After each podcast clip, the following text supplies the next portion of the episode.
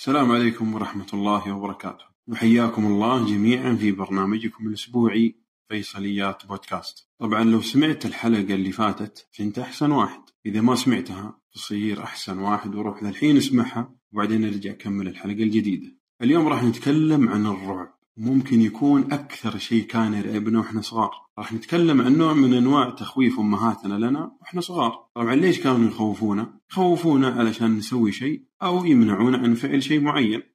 إيش الأشياء اللي كانوا يهددونا بها؟ مثلا النمنم أو البعبع أو أبو رجل مسلوخة. طبعا تختلف الشخصيات اللي يخوفونا بها باختلاف البيئة واختلاف البلد. فمثلا في بعض الدول كانوا يهددوا أطفالهم بحاجة اسمها أمنا الغولة. وبعضهم يخوفوهم بأبو كيس وطبعا في شخصيات أخرى. طبعا إحنا راح نحاول نذكر بعض الأسماء ولو في قصة لأحد منهم راح نذكرها. فأول شيء النمنم. يقولوا أن النمنم هذا عنده أسنان بارزة زي أسنان الفيل وطبعا له ذيل ويده مشعرة تشبه رجل التيس وكان يأكل البشر. وطبعا تكون ملامحه كل أم واجتهادها ومدى درجة التخويف اللي تبغى توصله لأولادها. فممكن يوصل لأبشع شيء ممكن يتخيله ولدها. ومن الشخصيات الأخرى عندنا مثلا أبو رجل مسلوخة وهذا كان رجله اليسرى مسلوخة واليمين نص مسلوخة وهذا ممكن يخطفك أو يضربك. طبعا كانوا يخوفونا علشان مثلا ما نخرج الشارع أو مثلا عشان نخلص أكلنا. فمثلا من الأشياء اللي كانوا يخوفوني بها حاجة اسمها المسحورة. وش قصة هذه المسحورة؟ قصتها أنا لما كنت أروح لجدتي الله يرحمها والمكان اللي فيه جدتي كان فيه وادي أو بركة فمن خوفها علي وما تبغاني أسبح فأغرق كانت تقول في حاجة اسمها مسحورة موجودة في الموية وش وظيفتها المسحورة هذه؟ هذه وظيفتها تجر الأطفال اللي ينزلوا الموية من رجولهم وتغرقهم وطبعا أكيد نجحت خطتها إني ما أنزل أسبح في الموية مع العلم أنا لما صار عمري 16 سنة نزلت سبحت فيها. ما أدري هل المسحورة هذه تخصصها أطفال بس؟ ومن الأشياء الغريبة اللي كانوا يخوفون أهالينا منها لما ما نخلص أكلنا يا ويلك ويا ويل ويلك الأكل راح يجري وراك يوم القيامة.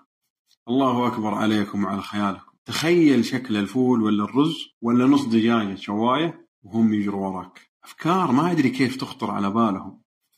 شاركونا في التعليقات وش الأشياء اللي كانوا أمهاتكم يخوفوكم بها وبرضه اكتبوا لنا في التعليقات وش المواضيع اللي حابين نتكلم فيها في الحلقات القادمة. ومن الشخصيات اللي مشهورة للتخويف في الخليج مثلا عندهم حاجة اسمها حمارة القايلة وطبعا معناتها حمارة الظهر. هذه تطلع للي يخرج الشارع أو اللي ما ينام من الظهر اللي هي القيلولة. ومن مواصفات حمارة القايلة يقال كانت برجل إنسان ورجل حمار. ومن أشهر القصص عن حمارة القايلة إن في وحدة في يوم من الأيام بعد ما خرج زوجها للعمل وصارت هي لوحدها بالبيت سمعت صوت أحد يدق عليها الباب. ففتحت لقت امرأة تقول لها يلا نروح نجيب موية. طبعا هذه المرأة هي حمارة القايلة بس صاحبتنا مسكينة ما تدري. وهم في طريقهم للمكان اللي يجيبوا منه موية. سمعت صاحبتنا صوت خطوات غريبة من تحت رجل حمارة القايلة. لما طالعت ناحية رجلها اكتشفت إن رجلها رجل حمار. طبعا هنا ارتعبت وش أسوي؟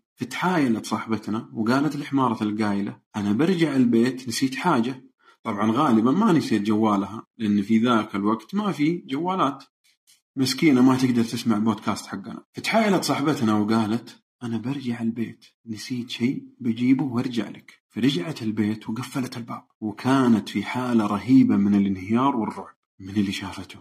شوي الباب يدق بس ذي المرة يدق بقوة. لدرجة إنه كان راح ينخلع الباب من قوة الدق. صاحبتنا ميتة من الرعب. شوية وقف الخبط على الباب والحمد لله. رجع زوجها حكت له اللي صار معاها فما صدقها.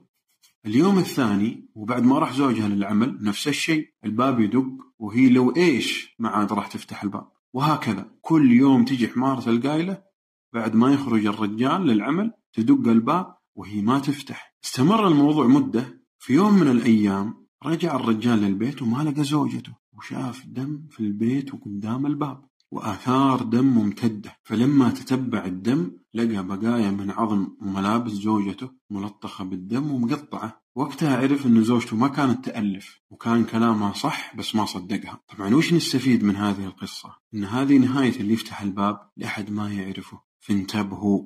يعطيكم العافية قد ما مشت الدجاجة حافية. في أمان الله.